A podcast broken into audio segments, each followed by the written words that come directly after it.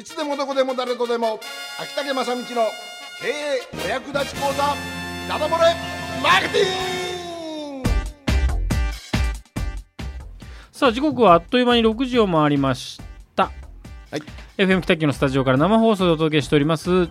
関門独立共和国後半戦に突入でございますはい、えーお相手は私羊年の羊坂井健とそして関門独立共和国初代暫定大統領の文字工のバナナマンです。はい。そのバナナマンがお届けします大人気コーナー、はい。えーダダ漏れマーケティングシーズン2でございます。シーズン2はい。あのコピーライティングということでね。そうですね。今回3回目ってことで、で1回目の時私大きな宣言しちゃったんですけど、はい。2回目ですでに忘れてた 何なんでしょうか一体。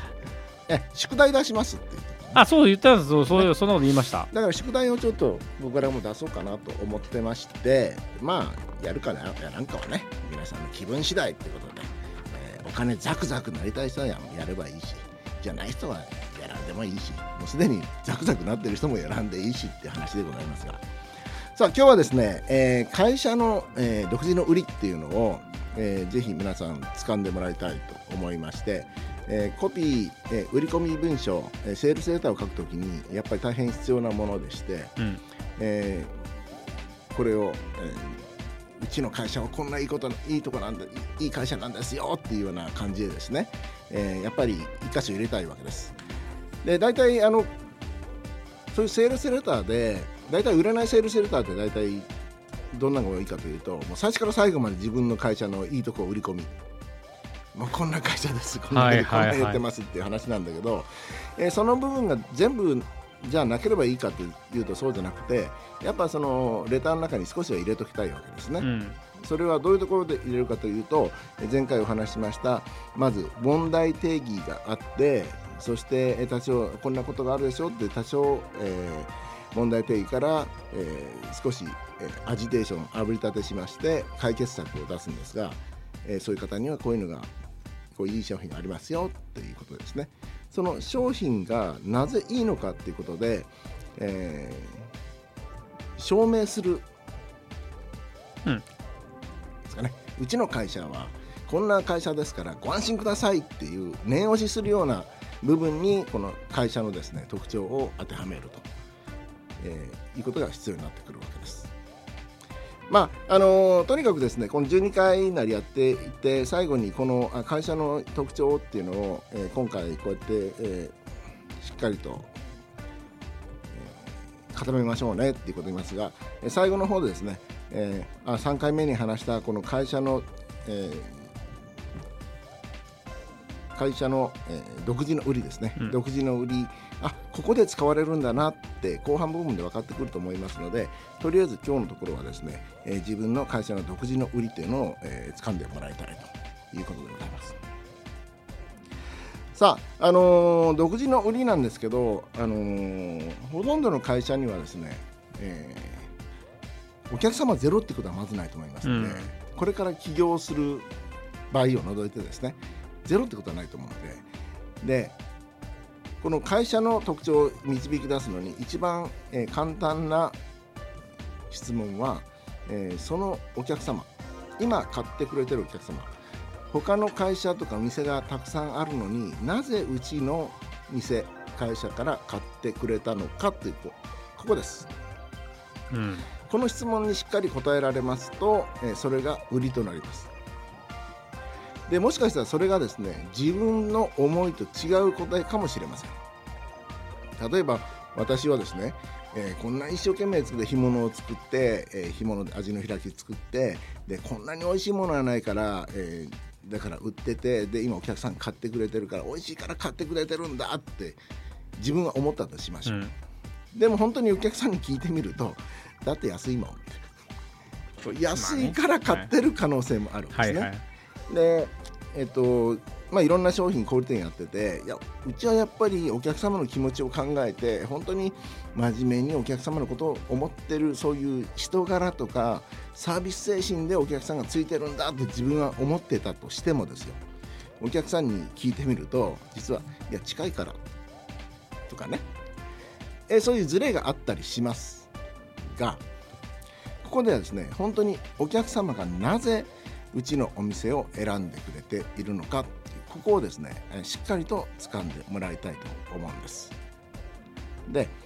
あのーとりあえずセールセールターを書くとき、えーお手紙を書くときは自分の思いよりも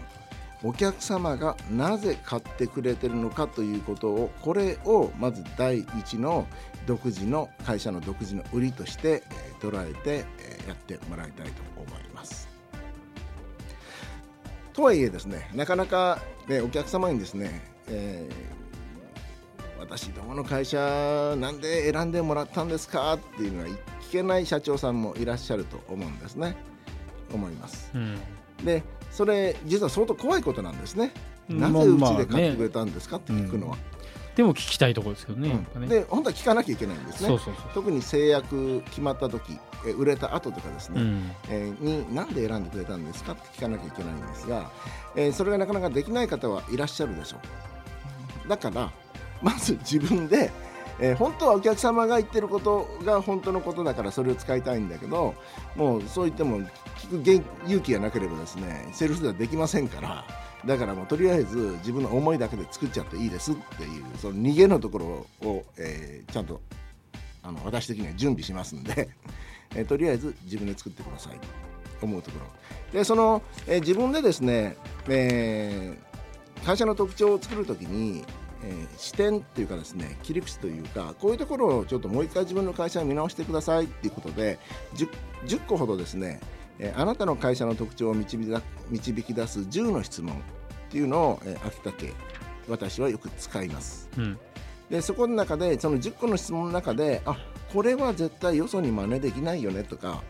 それからこれはうちだけのもんだよねっていうのがあればそれを強烈に売ってくださいということですね。じゃあとりあえず10個の質問を言います。1、えー会社商品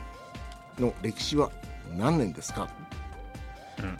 あ要するに店ができて何年ですかとかね。ねええ業歴何年え例えばですねこの1番はですねどういうふうな答えが欲しいかと言いますと、えーもしかしたら業歴が短い。うん。うちみたいな若い会社はねなかなか信用がなくてっていう社長さんもいらっしゃるでしょうね。それは取り方次第ですよね。あそうなんです、うん。でもし業歴が短い方はですね、えーまだ若い会社だからこそできるというふうに言い換えてるですね、うん。いよいよこんなふうにやりますって言って言えばいいんだから。他のねあのもう長い会社はここまでしません、ええ。私たちこれからですからっうん。ていうようなことを、えー自分の強みとしてください、要するに分かりやすくお客さんにそれを伝えるんですね。でもし業歴が長い。うん。ことだったら、まあ、100年企業とかもあるあるでしょうけども、一応大体10年以上続ければですね大概の業種では老舗です。はい、え もうロングセラーとか言っていいですから、うん。まあ、お茶屋さんとか100年企業いっぱいありますけれども、えーだからそういうのと比べて短いんであれば、えーまだ若い新しい会社だからこそこういうところを私たちやっていきたいんですと訴えればいいし、うん。長ければ長いほどその伝統に培われた、えー私どものサービスをと言えばいいんですね。ねそれから今から創業しましょうっていう時はですね、えー私どもの会社を信用してくだあぜひご利用くださいと。それはこれから創業なんですがこの仕事のために全職を投げ打ってみたいなことを書くんですね。いいですかねはい 全職を投げ打ってでそこまでこれかあの仕事にかけてますっていうことです。えそういうふうなのを、えー我が、えー仕事のですね会社の強みとして文章化していくんですね。今これが一つ目の質問であなたの会社商品の歴史業歴は何年ですか、ね、2番目、えー特殊な製法ノウハウとか資格はありますか？それからそれは世間は知ってますか？っていうことです。でもしこれ知ってな世間が知らなかったり 何らかの資格があるならばそれをしっかりと文章化しましょうっていうことです。例えば知られたノウハウ、えー製法があるならばえ昔ながらの製法をかたくなに守りポイントはこうこうこうなんですってことをす素直に言いましょう。で知られてないというこというふうな感じであれば良い商品が仕上がる秘密はということでその台所を出しましょうでこれはですね、えー干物うちの場合干物を作るんですが初汁という塩水につけますけれども、えーこの塩水につけて作るっていうことを世の中の人はあんまり知らない人が多い。だけど、へええまあいいや、ーうん、そうなんですよ、えーそれを初汁ということをうん。言うんですよとかそれからずっと使い続けるんですよっていうことを知らない人が多いんですねところが干物屋さん誰も知ってるんですよ、うん。ほとんどの人が知ってる。だからあえて言うことでもないと業界の人は思ってるんですね。だけどえ実は消費者の方にとってはあれ塩振って作るんやろうかとかどういう味付けするんやろうかっていう疑問なわけですからそこをしっかり出すことによって、えー職人としての、えーイメージがつくし、えーそういうしっかり作ってるという、えーイメージがつきますので、えー特殊な製法ノウハウ資格あるいは世間が知ってるか知らないかでそういうことをしっかりと表に出しましょうということです。え3番目え会社の規模はでかいですかちっちゃいですかっていうのがありましてもし大きな会社であればですね、えもし万が一何何事があっても安心ですって言えるわけです。でしもし小さい会社の場合だったらえー私どもの会社ちっちゃいですけれどもちっちゃい会社ならでもならではの誠実さでって言えるわけです。なるほどなるほど。でこういうところを実はあの独自の売りとして売り込んでいけるんですね。で4番目あと立地はどこですか？駅前ですか？僻地僻地ですか？ど田舎ですか？海辺ですか？とかそんな感じで例えば田舎とか都会とかですねその土地にあるからこそ得られるメリットを強調すればいいです、うん。駅前ですからいつでもいることができます。海辺にありますからあすあの素晴らしい環境の下で作っています。とか皆さんを心安らぎますとか、えーそういうふうなところをしっかりと、えー要するに土地に注目して、えー独自の売りを作っていく、うん。あと取引証券範囲えー取引証券はえ地元ですか全国ですか世界ですかっていうようなところを見て、えー仮に証券が狭い地域密着であれば本当に地域密着できめの細は細かいサービス信頼とかを前面に出します。で証券が広ければ、えー例えば全国一円どこでも受け付けられるサービスもとかですね、えーそういうふうな形で書いてしっかりと訴える、で6番目、えー商品の種類は、えー単品ですか多品種ですかもし単品であればえー職人としてこの単品に命かけてますみたいな感じですね。で多品種であれば何でも揃えます。私の目利きでみたいな形を、えー訴える。で7番目に、えーどんなサービスをしてますか、